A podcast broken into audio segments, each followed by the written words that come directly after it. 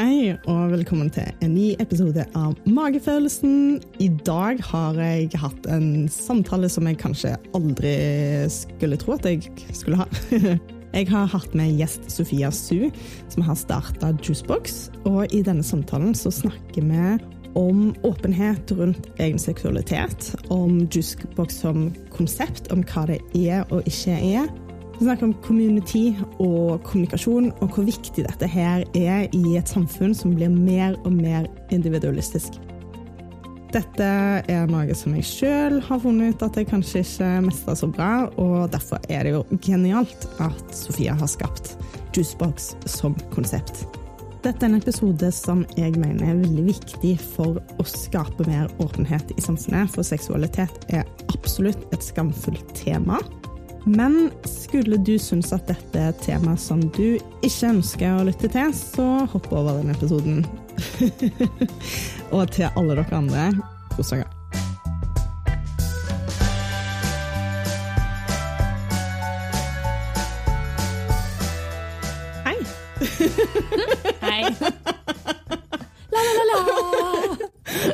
Akkurat som du var fløyen i romanen. Ja, jeg gjorde det. Oi! Plask. I'm here.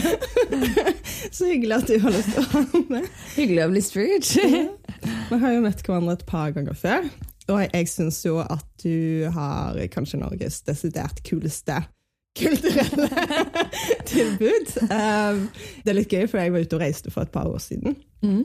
Det var da jeg kom på ideen om å lage podkast, men jeg visste ikke helt hva det skulle være. Men det jeg hadde veldig lyst til å lage, det var egentlig en community. Fordi at i Norge så er folk så individualistiske. Det er så få plasser å møtes, med mindre du er religiøs. Eller du spiller på fotballag, men at du på en måte bare møtes fordi at du har en felles interesse eller et eller annet, og liksom samle ulike typer mennesker. Og, òg hjelpe folk å bare liksom tørre å være seg sjøl, være sånn komfortabel i en community og kunne være litt annerledes. At det ikke liksom må være helt lik, hvis du skjønner, sånn som samfunnet ofte er. Yeah. Og så i høst så hørte jeg om Juicebox. Og så syns jeg det er et utrolig kult konsept. Har du lyst til å fortelle litt om din reise? ja. Min, reise til å starte opp Juicebox, basically. da. Ja. Det startet jo med at I kissed a girl when I was 15, and I liked it. Eh, det er der det egentlig starta, sånn sett, men jeg fikk jo ikke muligheten til å egentlig utforske meg med kvinner før jeg startet Juicebox. Fordi det jeg merket var veldig vanskelig å finne den communityen da, for kvinner som liker kvinner. Og den er veldig liten, vet jeg, eller har vært veldig liten i Oslo. Og jeg visste ikke hvordan jeg skulle komme meg inn i det. Du kunne jo ha Tinder, men det var jo ikke så mye på den tiden heller. Det var jo på en måte én person som jeg fikk datet i begynnelsen, men jeg, i retrospekt så ser jeg jo at jeg var egentlig kjempesjenert og veldig redd, egentlig, og, mm. og klagde på andre ting. Men eh, jeg visste ikke om man datet kvinner, så jeg var veldig ny i det feltet. Så går det litt tid, da, og da blir jo denne mm, behovet for å utforske min feminine seksuelle side eh, blir større. Og jeg vet ikke hvor jeg skal dra igjen. Jeg drar til So. Kjempetoxic miljø, syns jeg. da. Veldig the eye, the eye gazing. Sånn mm. Ser det opp og ned. Mm -mm. Litt sånn bitchy uh, mean girls kind of vibe. Elsker. Da ble jeg alltid sjekket opp av menn. Jeg var sånn, Men hva faen? Kom hit for kvinnene! Dra hjem med menn. Nei. Uh, litt sånn uh, lett felle havne i, syns jeg. Så uh, Og det merket jeg også, at jeg visste jo ikke hvordan man skulle sjekke opp kvinner. For det krever jo at du tar litt initiativ, og du vet hva du skal si, og har litt eh, selvtillit, og ja, tar egentlig mer initiativ i det. Og det var jeg jo veldig bortskjemt med å date menn, som alltid tar initiativ, og hei, skal si, privilegert å være pen. Så det har vært veldig enkelt, sånn sett, bortskjemt. Så da fikk jeg virkelig testet det andre siden, da, faktisk, og tørre å spørre en kvinne vil dra ut på date, eller bare stryke litt, eller prøve å flørte. Det var jo sånn helt ny verden. Men da jeg fikk en virkelig sånn epiphany, basically, var jeg når jeg var i LA. Um, da var jeg vel uh, 26, vil jeg gjette. Det er vanskelig. Ja, jeg er kjempedårlig på alder. Herregud, årene det bare Årstall og alder og sånn, når folk spør. Rundt den tiden der. Ikke sant? Så eh, da var jeg på en uh, kvinnesexfest som heter Skirt Club. De driver jo i hele verden. De er jo i, både i Hongkong, Ibiza, Paris, London, New York, også da i LA. Det var jo da en uh, gruppe på rundt 25 damer de fleste av de var jo 30 pluss, men alle veldig sofistikerte, utadvendte, selvsikre, og alle i sexy undertøy. Og jeg bare oh my god, det her var så deilig. Wow! Oh, so pretty! så bare kunne være i et sånt seksuelt space med kvinner var endelig en sånn drøm komme oppfyllelse. Uten å vite egentlig at det er her jeg trengte, men når du kom inn i det, så bare sånn åh, den energien var så rik, vil jeg kanskje si. Men det som også var liksom the full sexual liberation kind of feeling that I got, var jo da når jeg ligger i et rom og så holder jeg på med én person, og så i tillegg kan da stryke et annet par som står ligger ved siden av meg, og dele den i skien mellom flere i et rom. Da er jeg bare Oh my God, yes! det her er jo fantastisk! Um, å bare være fri og bare gjøre som man ønsker og har lyst til det var der jeg bare Wow, det her er jo et helt annet space-nivå. Hva er det her for noe? Mm. Så Da jeg kom hjem til Norge, så var jeg sånn Jeg er keen på å oppleve det her mer. Jeg vet ikke hvor jeg skal dra. Jeg har behov for å utforske med kvinner. Hvor gjør jeg det hen? Jeg hadde da en uh, god venninne som er lesbisk, som sa egentlig at liksom, ja, men jeg skal fikse en fest for deg, Sofie. Jeg skal invitere alle mine lesbiske venner, og så skal du, skal du få deg et ligg. liksom. Jeg bare, yay! Men et eller annet skjedde der som ikke skjedde. Jeg mener at hun fikk seg kjæreste, men i ettertid så tror jeg det er noe annet som skjedde.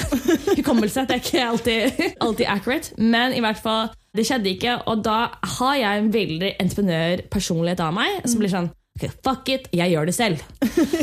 Uh, jeg har så dårlig tålmodighet, så jeg er veldig sånn ok, men hvis ikke jeg finner noe andre steder, så bare prøver jeg selv. Så da hadde jeg mål om å starte en gruppe med 50 medlemmer og hadde min første fest hvor vi var 13 stykker. Satte opp plan med masse mingleleker for å bli kjent-leker og sånn, ja, typ sånne workshops, kan man si. Typ. Også til jeg hadde litt mer sexy leker, som var også mer mingling, men også da liksom spin the bottle for å prøve å få liksom, the juices flowing. Vi holdt jo på i seks timer uten noe sex. Og det er da jeg bare Aha! Her var litt mer komplisert. Ja, ok. Er, hva er tenningsmønsteret til kvinner? Hva er det som skal til for at kvinner føler seg trygge i en sånn space? Og Da forstår jeg litt hvor komplisert vi var. For Hadde jeg gjort det her med bare menn, så er det definitivt at de hadde sex innen 20 minutter. Det er veldig morsomt hvordan det er så kontrast liksom, på majoriteten av det feminine mot det maskuline, kan man si. Det er så sykt sant. Ja, men det er det. Det er dritgøy. Men det er jo tenningsmønsteret i seg selv. Da. De fleste menn, nå skal jeg ikke si at alle, men de fleste menn tenner jo på det visuelle. Mm. De får jo stå med en gang de ser en naken kropp og bare wow, nå er jeg klar. En kvinne og en kvinnes vulva bruker jo liksom 30 minutter minst for å gjøre seg klar og bli faktisk svullen og klar og faktisk våt. og få en sånn... Hvorfor vet ikke menn dette her? Kvinner, kvinner, kvinner trenger også vite Jeg lærte det også, liksom. ja, men jeg, altså, Vi prøver jo å si til seksuelle partnere at ok, men jeg trenger litt tid. Mm. Men uh, det er jo ikke så veldig akseptert. Nei, jeg, jeg tror ikke de skjønner at det er biologisk sett. Jeg tror de kanskje tror at det er mer uh, kulturelt, eller liksom mm. At vi gjør så vanskelig. ja, forstår, ja, for de forstår oss ikke. Jeg liksom, ja. hadde lyst på meg nok. ja, ikke sant? Jeg tror de også kanskje litt for sin egen hjerne og egen, egen følelse at ja, men jeg tenner på den måten, så da burde du også kunne gjøre det. Mm. Forstår, nei, vi er biologisk annerledes. Og absolutt, Det er jo mange kvinner der som tenner også på utseendemessig, men de fleste av oss krever en viss oppvartning og oppvarming. At noe må skje mot oss for at vi skal bli opphisset. Og da har jeg også merket det i forhold til Juicebox så handler det om at noen må egentlig bare ta første initiativet. Noen må ta det første treget, noen må være litt mer dominante og liksom ta litt styring. Og så vil vanligvis det, det ripple effect. Like, uh, domino effect. Thank you. Domino effect. og så skjer det overalt. Og bare, Oi, hei, så, men jeg startet jo Juicebox i, med hovedpoeng at jeg ville utforske meg selv med andre kvinner. Jeg forsto kort tid etter at det var så mye mer enn bare en sexfest. At det handlet om da, dette her med community. Og samle oss mennesker og ha en mer supportive, more respectful, compassionate community hvor vi kan være åpne og være oss selv. vi kvinner og menn forstått, kan være veldig toxic og veldig dømmende. Så det her handlet om å være mer åpenhet og vise at vi alle er forskjellige og vise forskjellige perspektiver, bli inspirert av hverandre. Og egentlig det å måte skape da et safe rom hvor man kan utforske seg selv. Fordi seksualitet har blitt undertrykket i altfor mange år og generasjoner. Flere hundre år. Det er jo startet på 1500-tallet, kan man nesten si. Så det er jo en del av denne seksuelle revolusjonen som jeg merket at det er egentlig en del av. Og den kraften man egentlig har med sin seksualitet, og hva man kan egentlig få til av både å finne ut av seg selv, men også gleder og lyster, og bare det å være menneske. Liksom, sex er jo liksom en av de grunnverdiene. Altså, wouldn't be here today if we didn't have sex. En måte, liksom. Det er egentlig noe veldig holy på den måten, men vi har jo liksom neglected it og gjemt under på det. Og hatt veldig mye skam rundt det. Så vi har ikke turt å ta på det engang, liksom. Så det blir her det blir en åpning av det. Okay, hva er det som kan faktisk skje hvis vi faktisk skaper en community hvor vi alle bare deler masse kjærlighet istedenfor? For det er noe som er veldig intimt og man må snakke shortcut å bygge en relasjon med noen på en eller åpen og kjentfull måte da, med å ha, ha sex. For du lærer veldig mye av en person ved å ha sex med en person også. Og man kan jo på en måte knytte litt annen type bånd enn eh, en man vanligvis hadde kanskje gjort. da. Ja, det som eh, jeg har syntes har vært fint, at du har veldig mange ulike typer arrangementer.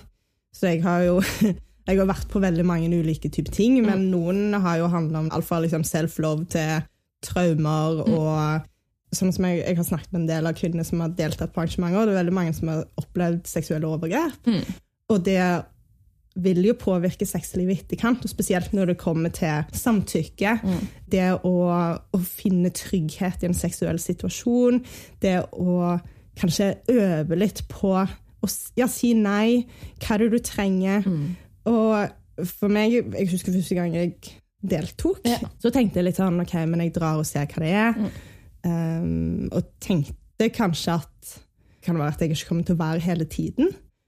Men det føltes så fint å være i en trygg situasjon, hvor jeg på en måte kunne bare utforske litt hva er det som er greit for meg og ikke. Og det, det har jeg ikke klart i andre situasjoner.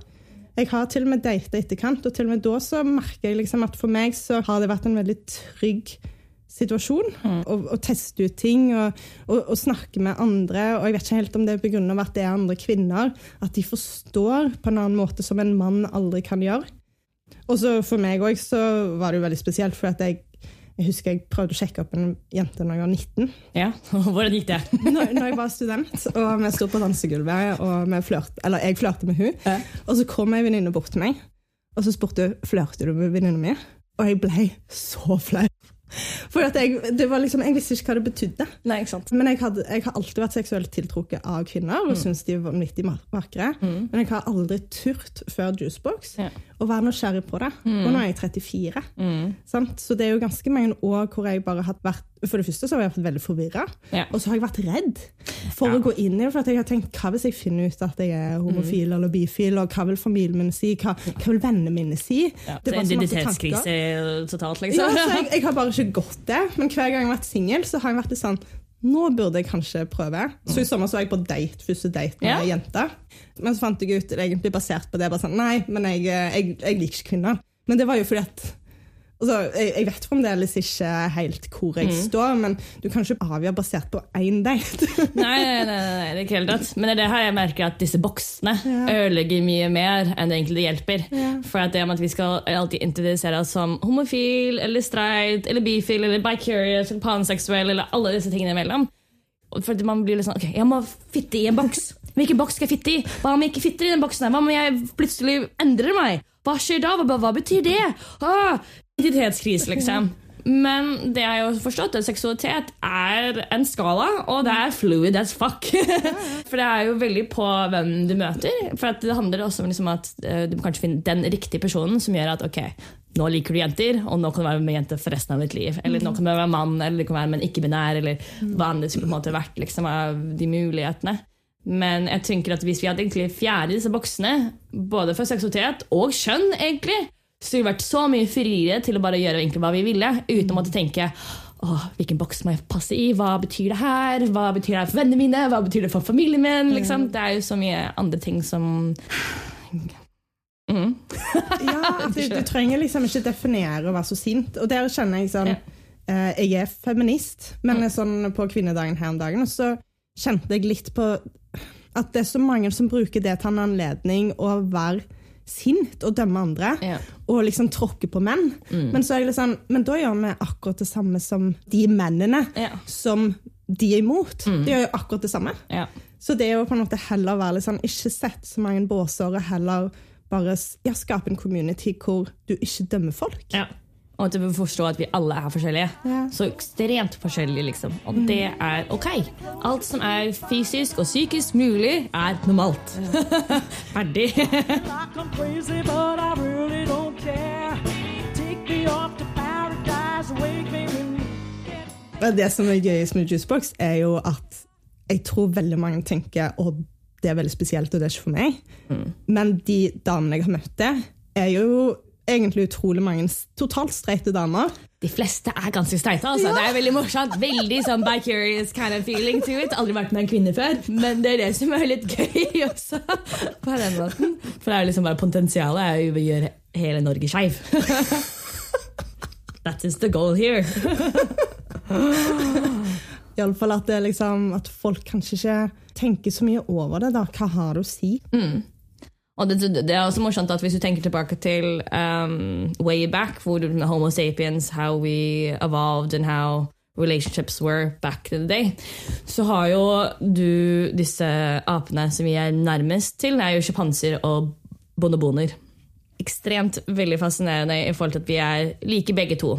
Sjimpanser er jo da mannsdominert. De er hikari hvordan de styrer. De løser ting med krig og vold. Og det er ja, veldig mye konflikter, kan man si der. Bonobonene, the bonobos, de er det motsatte. Det er det kvinner som styrer her. Og det er veldig egalitært, det er flat struktur, det er veldig mye deling, og der er det ofte mye mer homoseksuell aktivitet. Men i forhold til at når da de møter en ny tribe, og istedenfor liksom sjimpansen som vil krige da, med disse, så vil damene komme frem og spre beina sine og ha sex med dem og bonder der med triben på en helt annen måte. da, sånn sett.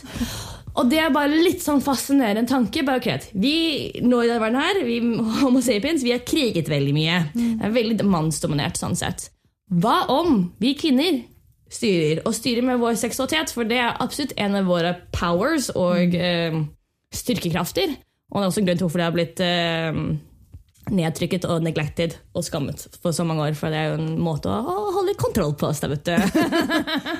But now we're gonna free. Så det var litt sånn Hva om vi løser ting med sex istedenfor krig? Hvordan ville verden ha sett ut da? Det syns jeg er veldig fascinerende å bare tenke om.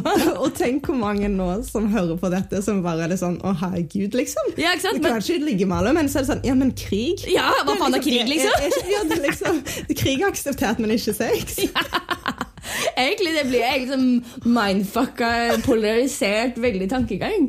Men det er bare liksom, ok, men hva om? Just like think about it. Like, how would it be? Because you have monkeys out there who live like that, and they have it very peaceful og veldig bra. Det, altså, det er super uh, utopisk å leve i en sånn verden hvor du bare Ok, ah, krangler, ja, greit, da.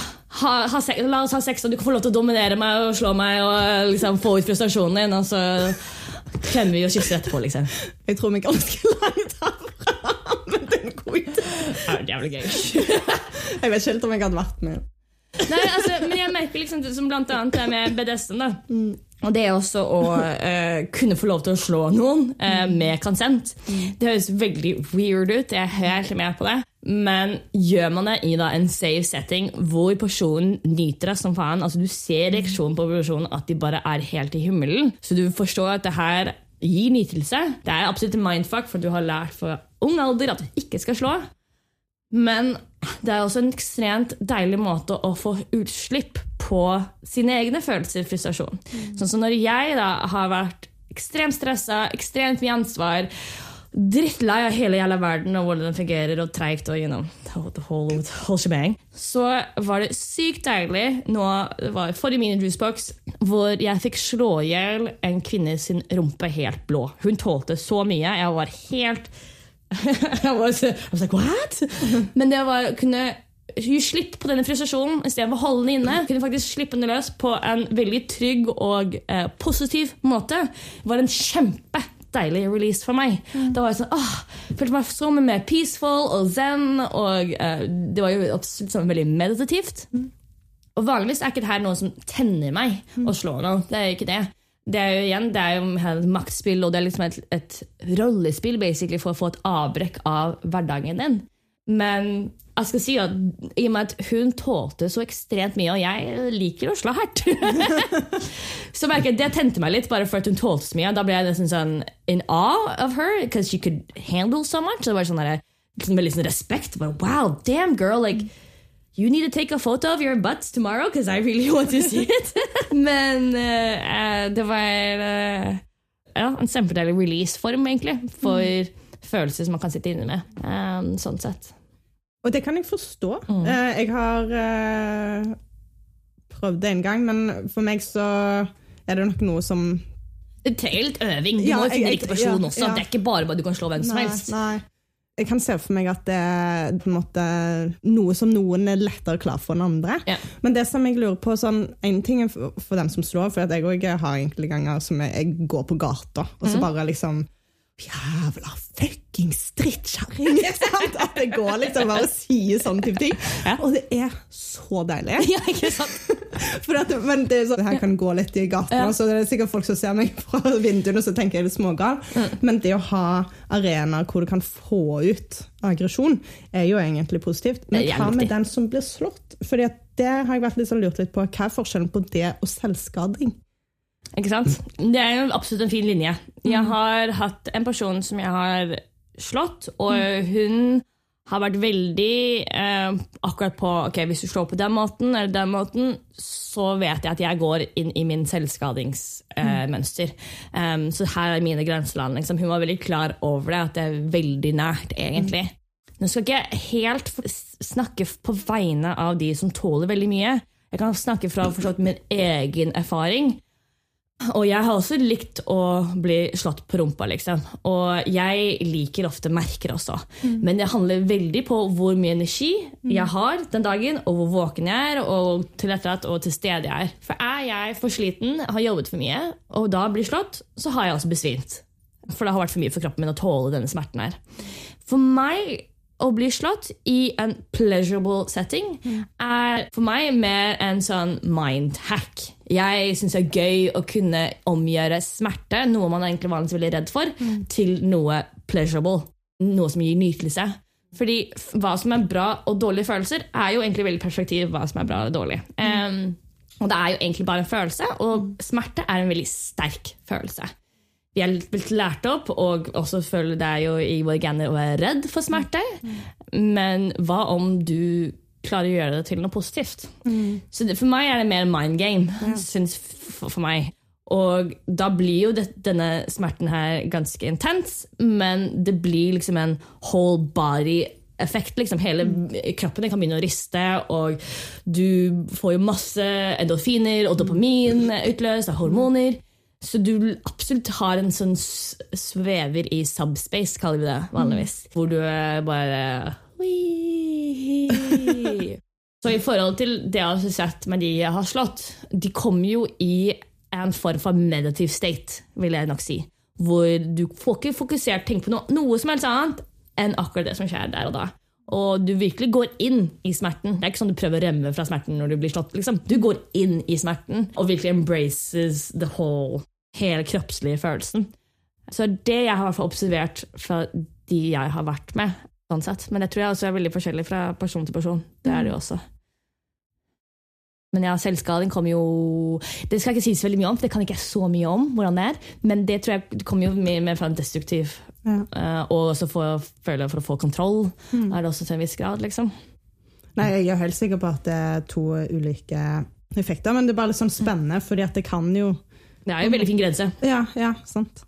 Det var egentlig ikke et tema jeg hadde tenkt å gå inn på, men eh, det Nei, men jeg vil absolutt emphasize det med å være flink til å finne utløp for dine følelser. Sånn som at Vi nordmenn er veldig flinke til å skyve alt under teppet og ikke vise noen følelser. i hele tatt. Og Spesielt når det kommer til aggresjon og når man er sint. det er jo noe å embrace disse følelsene og få de ut. Ikke at du må liksom handle på de, men bare få ut disse følelsene som kommer inn i deg. Det er ikke noe å kontrollere. Følelser kan vi ikke kontrollere. Men du kan være flink til å prosessere.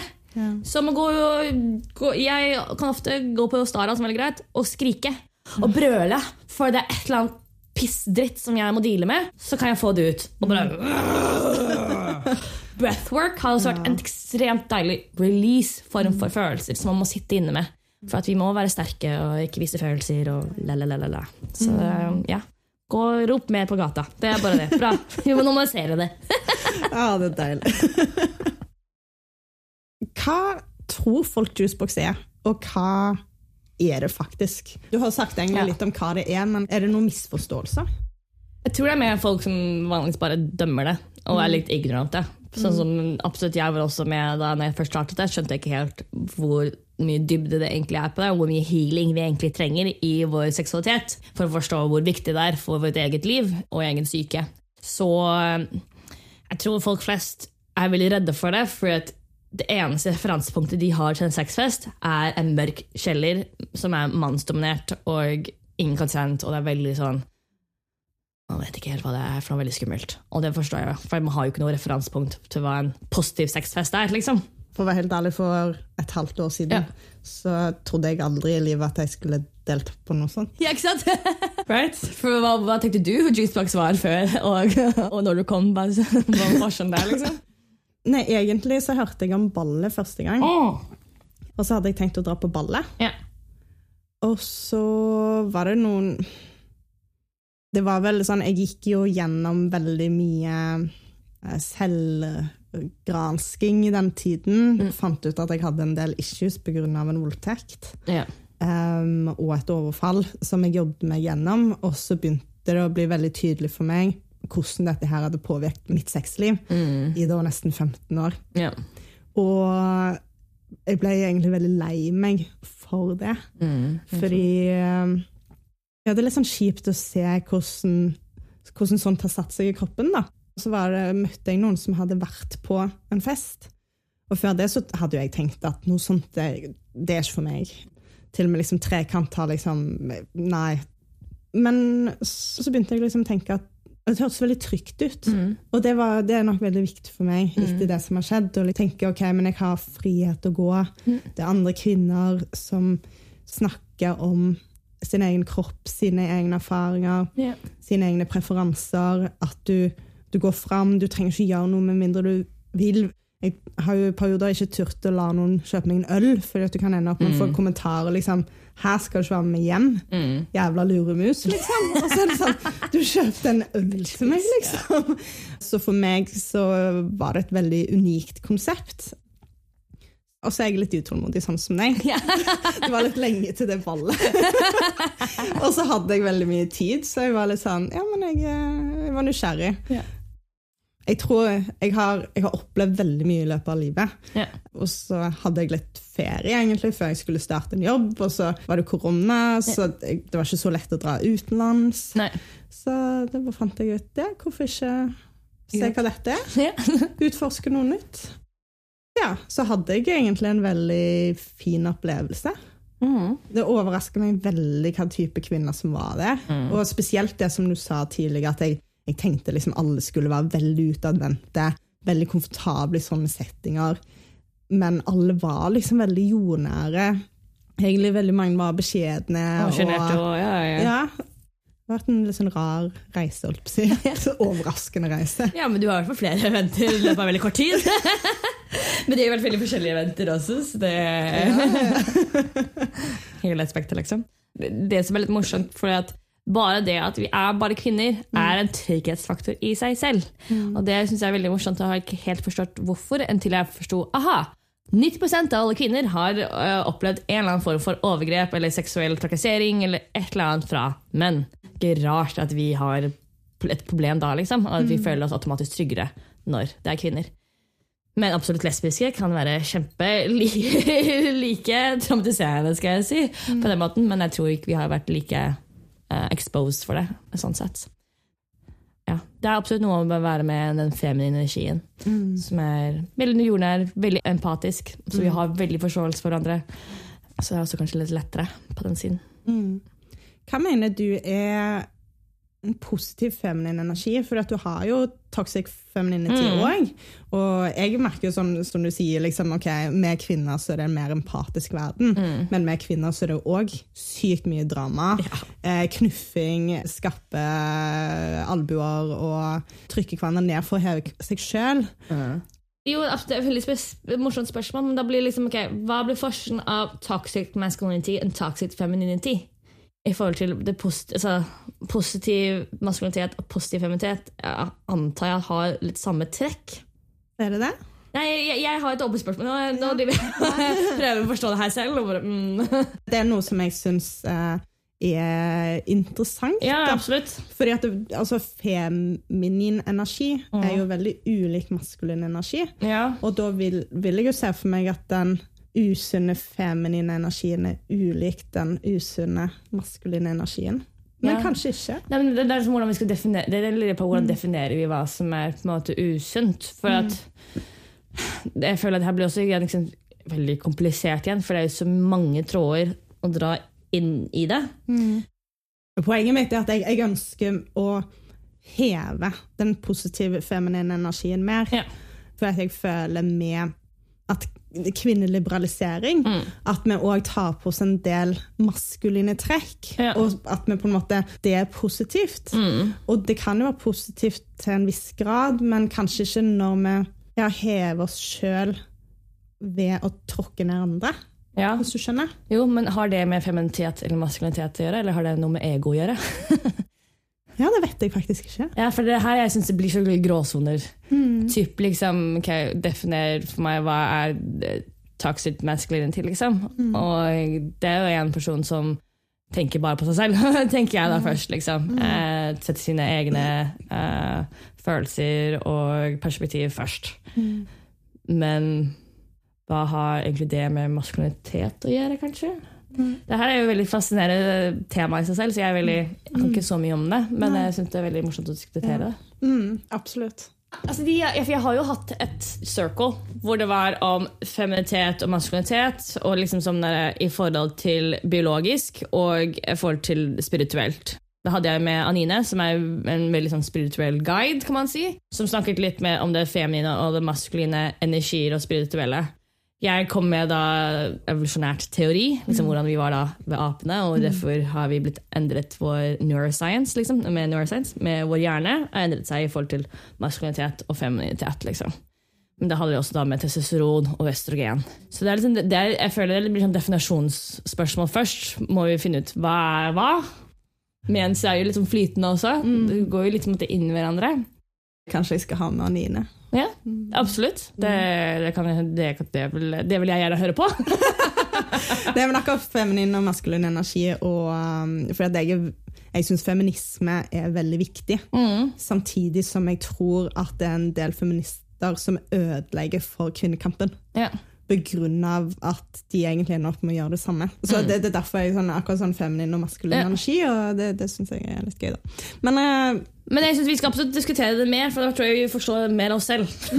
og at vi er begge deler. ja. Vi, fins egentlig ikke noe skjønn, sånn sett. Nei, Gjør det ikke? Nei. jeg hadde en diskusjon her med vennen min nylig. Men kjønn er jo egentlig et social uh, construct. Det med kjønn. Og det med tanke på hvor komplekst egentlig kjønn er. Det handler ikke bare om biologisk hva som er mellom beina dine, det handler om hjernen din, og kan også si hva som handler spirituelt også. Så at, eh, igjen, det er disse boksene som ødelegger ofte mye mer. og Derfor vi også har da flere ikke-binære, eller flere som identifiserer som ikke-binære. Og vi har flere androgyne mennesker som kommer frem og står for det. Og også hvorfor vi har på en måte transpersoner. er jo for at det er ikke binært kjønn. Liksom. Det er en skala. Ja. Alltid. Selvfølgelig, Du har jo folk som er på ene enden, og folk på andre enden. Men så har folk som er litt mellom, eller hopper litt imellom. Liksom. Og for å quote en venninne av meg, eh, Leo Han har jo sagt at hvordan det å bruke kjønn som en playground å kunne utforske seg selv på ulike områder ved å kunne være mer fleksibel med sitt eget kjønn. At nå kan du ta- tappe inn til det maskuline, nå kan du tappe inn til det feminine. Og da tror jeg du får også et litt mer holistic følelse av deg selv. Sånn sett. Og ikke måtte igjen bli, bli begrenset av disse boksene.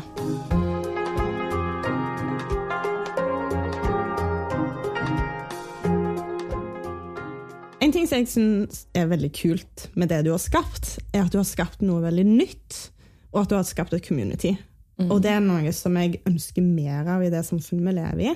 Hvordan er det du har gått fram? For at du har jo veldig mange Hvor mange medlemmer har du nå?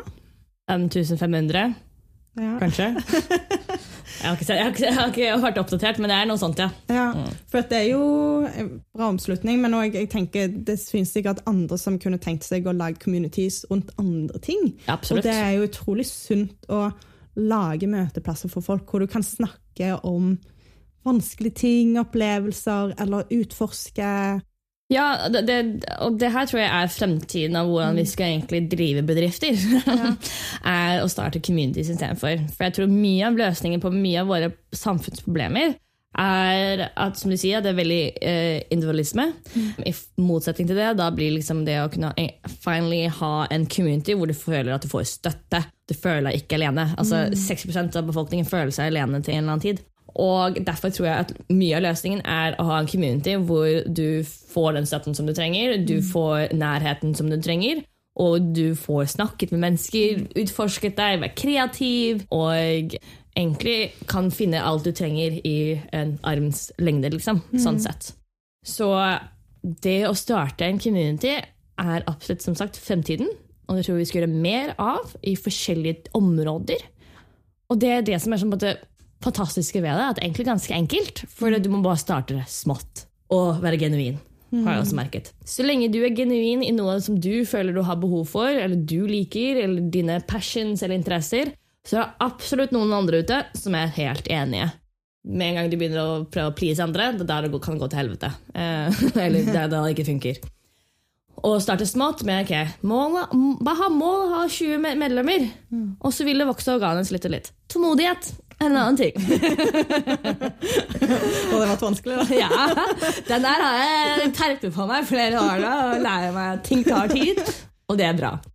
Og, Trodde du at du skulle nå 5000? nei, jeg hadde jo ingen Men det, det, det som er med Juicebox, er jo at det har bare vokst til noe helt annet som jeg noen gang har trodd og forstått hva du hadde behov for. Så det er det som jeg synes er så fascinerende, at det er ekstremt mye muligheter med Juicebox, og hva vi kan få til, og hva vi kan gjøre, og hvordan vi gjør det. Og det er derfor jeg har så ekstremt mangfold i mine eventer. For jeg bare sånn, ja, men vi trenger jo circles for å først snakke om seksualitet, og vi trenger også circles for å heale trauma. Vi skal også starte, starte med breathwork for å heale seksuell trauma. Men så har vi også da disse Soul Sisters, som en søster har startet, for å bare kunne snakke og ha en liten inner gruppe hvor du kan være ærlig og snakke dypt. Liksom. For det er ikke alle som har den muligheten heller med sine venner. Og å kunne også høre på andre sine perspektiver, hvordan de har det, og du får litt mer bred perspektiv på hvordan folk fungerer. også, som er veldig dybde. Til du har tritekno, hvor du kan danse en toppløs. Liksom, og bare free the fucking nipple. Og nå skal vi jo begynne å reise sammen. Vi skal til Hellas og ta en tur der. Men liksom, min drøm liksom, for Juicebox om 20 eller 30 eller 10 Se, se, se hvor tålmodigheten min tar meg.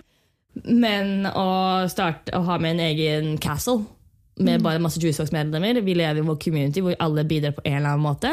Som de liker best. Liksom. En driver dyrker grønnsaker, en, en liker å rydde, en liker å lage podkast. At vi bare har en lever også i en community. Ja. Det, var, det, det tenker jeg også er også fremtiden. At vi slutter å leve alene og i et monogamt forhold. Motsatt her blir ok, vi lever i en stor gruppe family-følelse. Hvor vi kan ha barn sammen, vi kan elske en nabo og elske den andre naboen den andre dagen. og liksom Ikke drive med sjalusi og konkurranse, men mer ja, medfølelse og compassionate. Det er liksom min drømmefantasi i fremtiden liksom, for Juicebox. vi får se.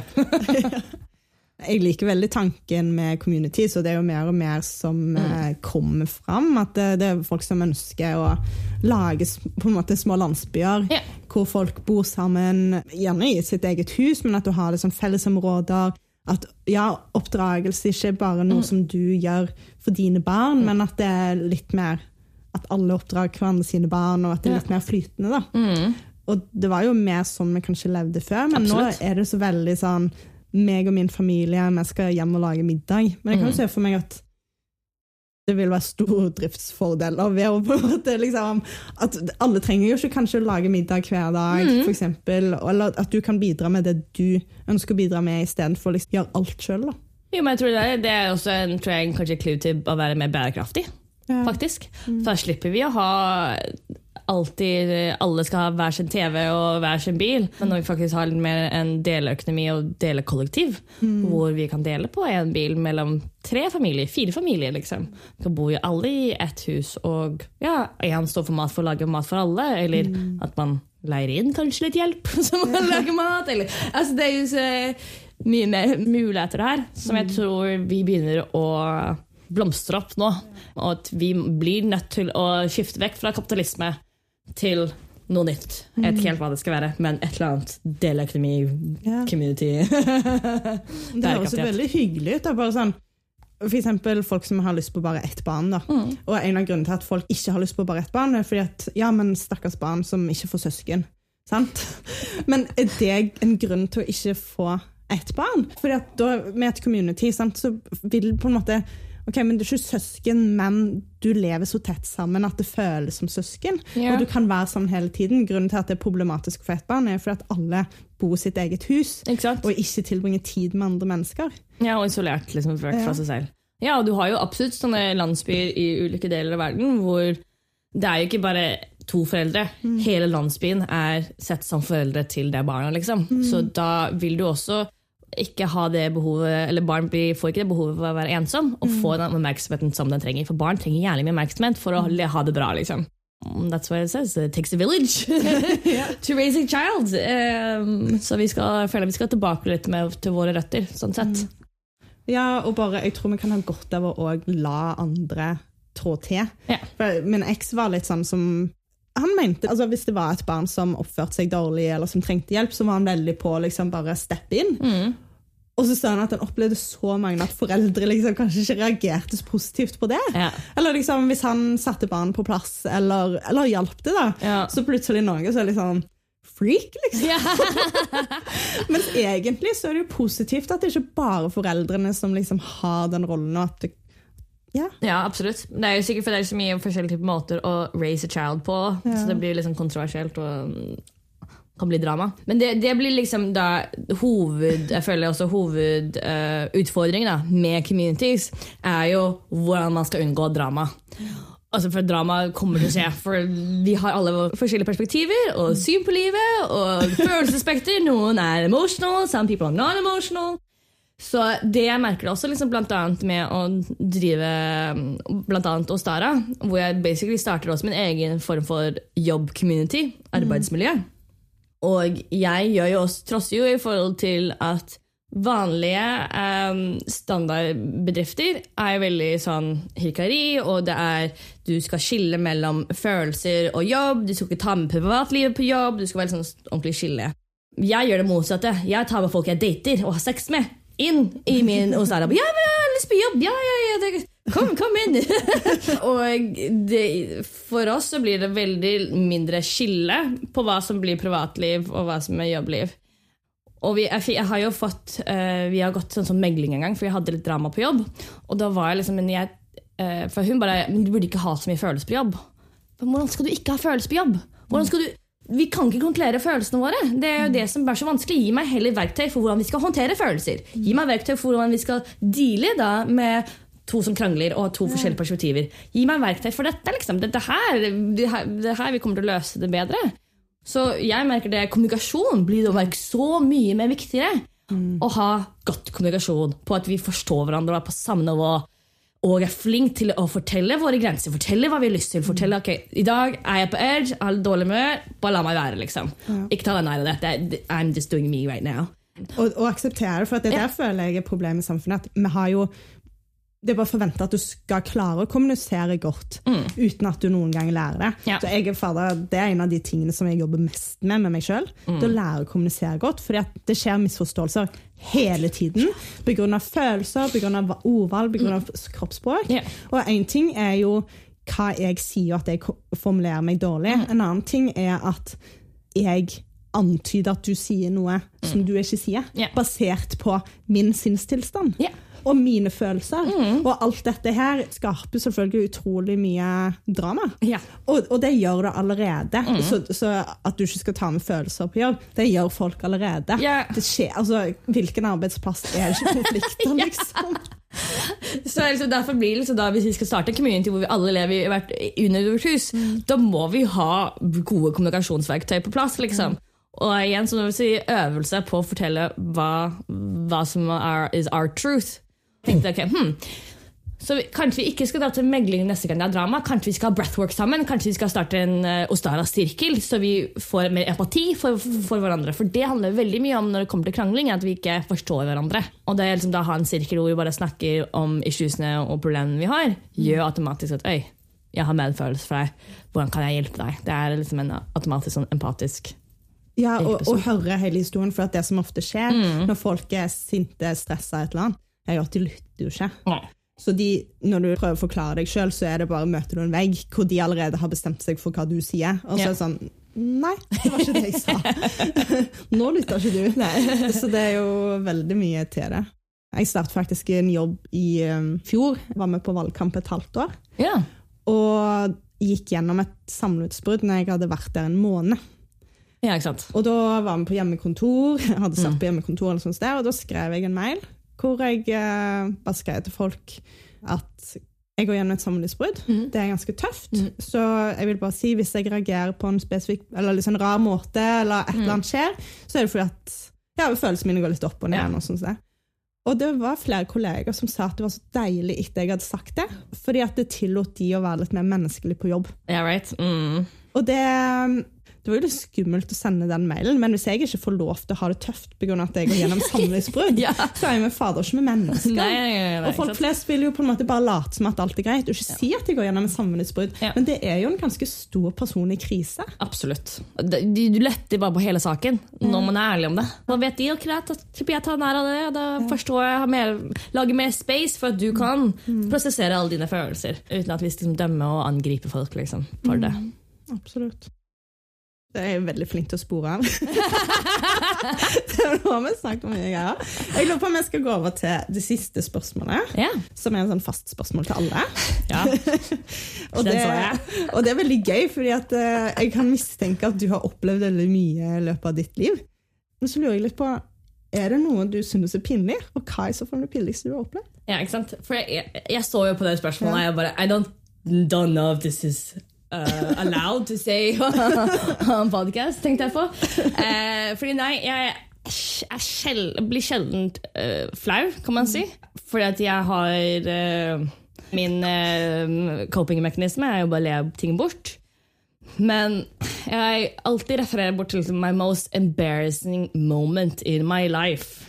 Hvor da, da virkelig følte jeg på det å være flau og virkelig vet hva jeg skal gjøre. Og det gikk jo dager etterpå. Jeg bare sånn Wow, det her var en tens følelse. Hvor kommer det her fra? Hvorfor og why? Og bare Og så kunne tørre å gjøre sånn Ja, men det går fint. Det går bra, liksom. Men jeg har ikke opplevd så mye mer enn den ene gangen der. Wow. Det er egentlig det. For jeg, som sagt, jeg er ikke så veldig flau av meg, og har veldig forståelse for meg selv. og selvkjærlighet på den måten. Men det som skjedde var jo at jeg var i LA, og jeg var på et rave. Uti en eller annen eh, warehouse, kan man si. Jeg og min venninne på den tiden tok jo veldig mye LSD. eh, veldig sånn uforsvarlig og bare litt sånn Ja, ja, ok, hell opp, ja, ja, ja, la, la, la. Så det som skjer da, at jeg begynner selvfølgelig å trippe og har det veldig gøy, men så står jeg plutselig i dokøen, og dokøen er sånn uh, potter, pot, uh, po- porter, porter parties? Party? Hva heter det? Porter party? Porter, Nei, porter parties? Party potties? Ja, uh, utedoer. og jeg ender opp med å stå i den køen her. Og jeg skjønner ikke helt hvorfor jeg skal stå i den køen her, for jeg må egentlig ikke tisse der og da. Plutselig så ser jeg at alle ser på meg. Og jeg bare sånn her. Og da skjønner jeg at jeg tisser på meg. Helt fullt tisser på meg i mine flare jeans og min vet dere, hvit, fin kåpe, skal jeg si, og korsett. Og hun foran meg snur seg og gir meg litt dopapir. Jeg bare sånn How's that gonna fucking help? Like, I've just pissed myself completely. Liksom. Hva faen? Oh, men takk, liksom. Men jeg trodde, jeg, vi skjønte ikke hvorfor jeg sto i den dokøen. Jeg tenkte ikke jeg måtte på do det hele tatt. Så det, det her var jo bare sånn helt fucka. Men igjen, da, når man er tura, så, og alle ser på deg, du bare sånn Ok, fuck, hva gjør jeg? Jeg må gå. Men hvordan skal jeg gå? Jeg vet ikke om jeg kommer hjem.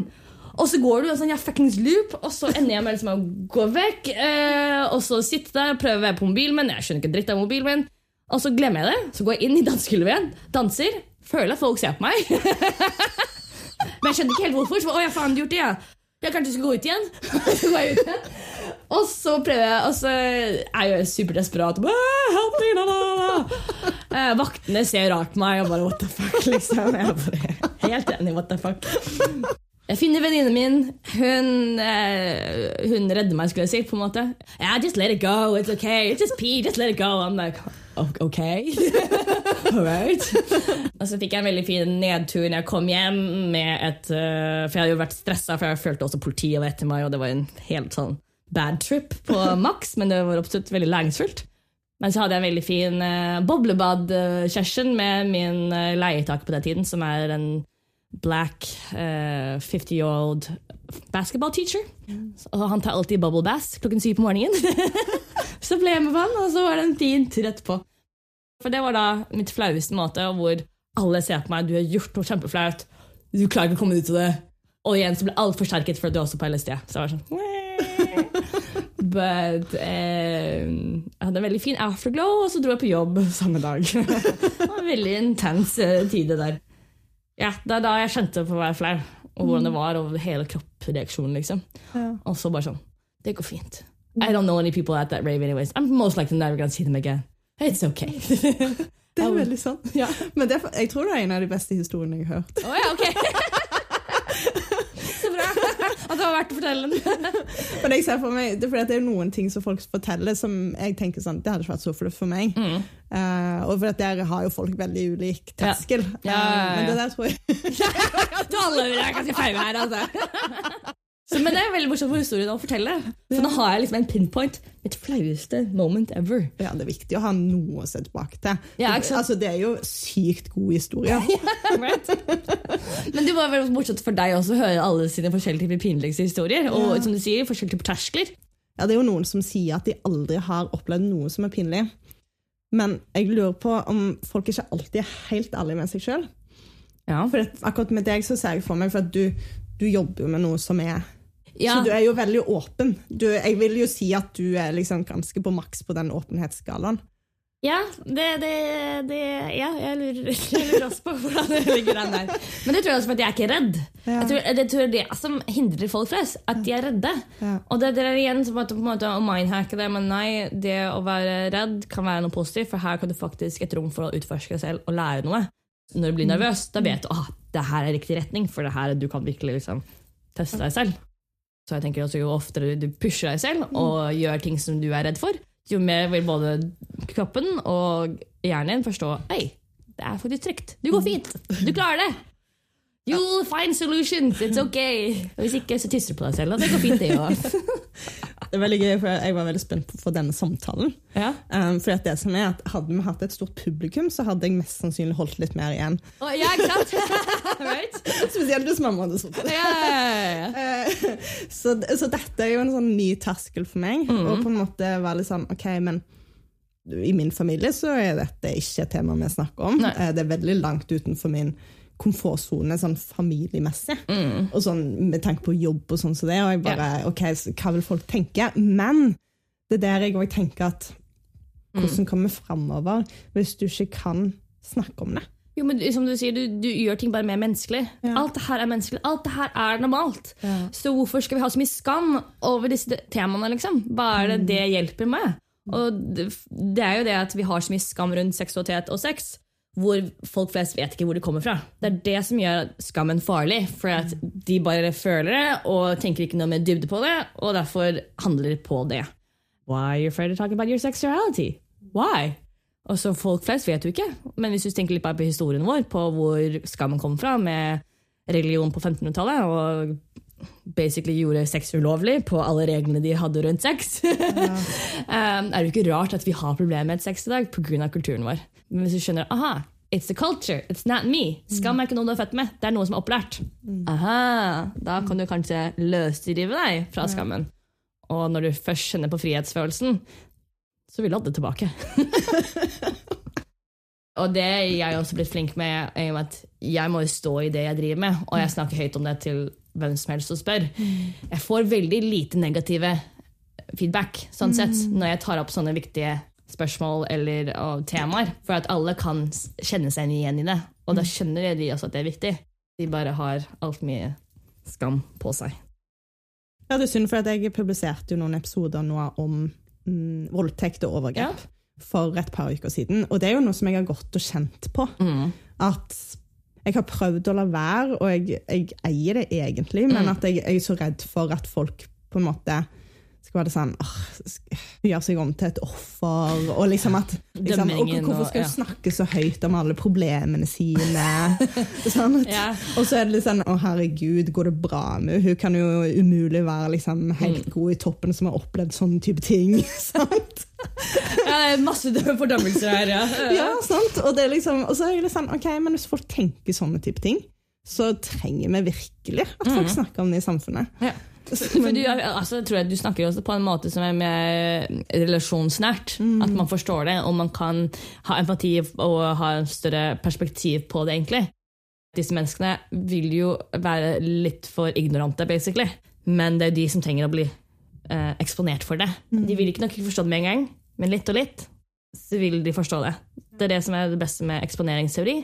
Bare litt og litt eksponering her og der. Her har du en liten pupp der, her har du en liten vulva der, og så en liten penis, og så Oi! Nakkenhet er normalt!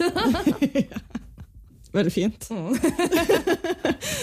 And on that, tusen takk. For Ja. i like måte. Takk for at du var med.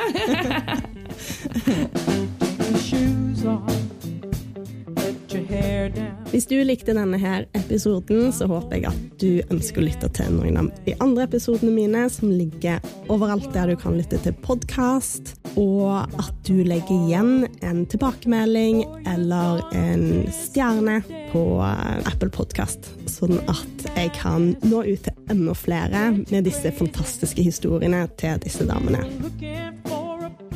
Og hvis du er nysgjerrig på meg, så kan du finne meg på Instagram. Der heter jeg magefolsen.podkast. Og så har jeg òg en hjemmeside hvor det står litt om meg. Den heter magefolsen.com.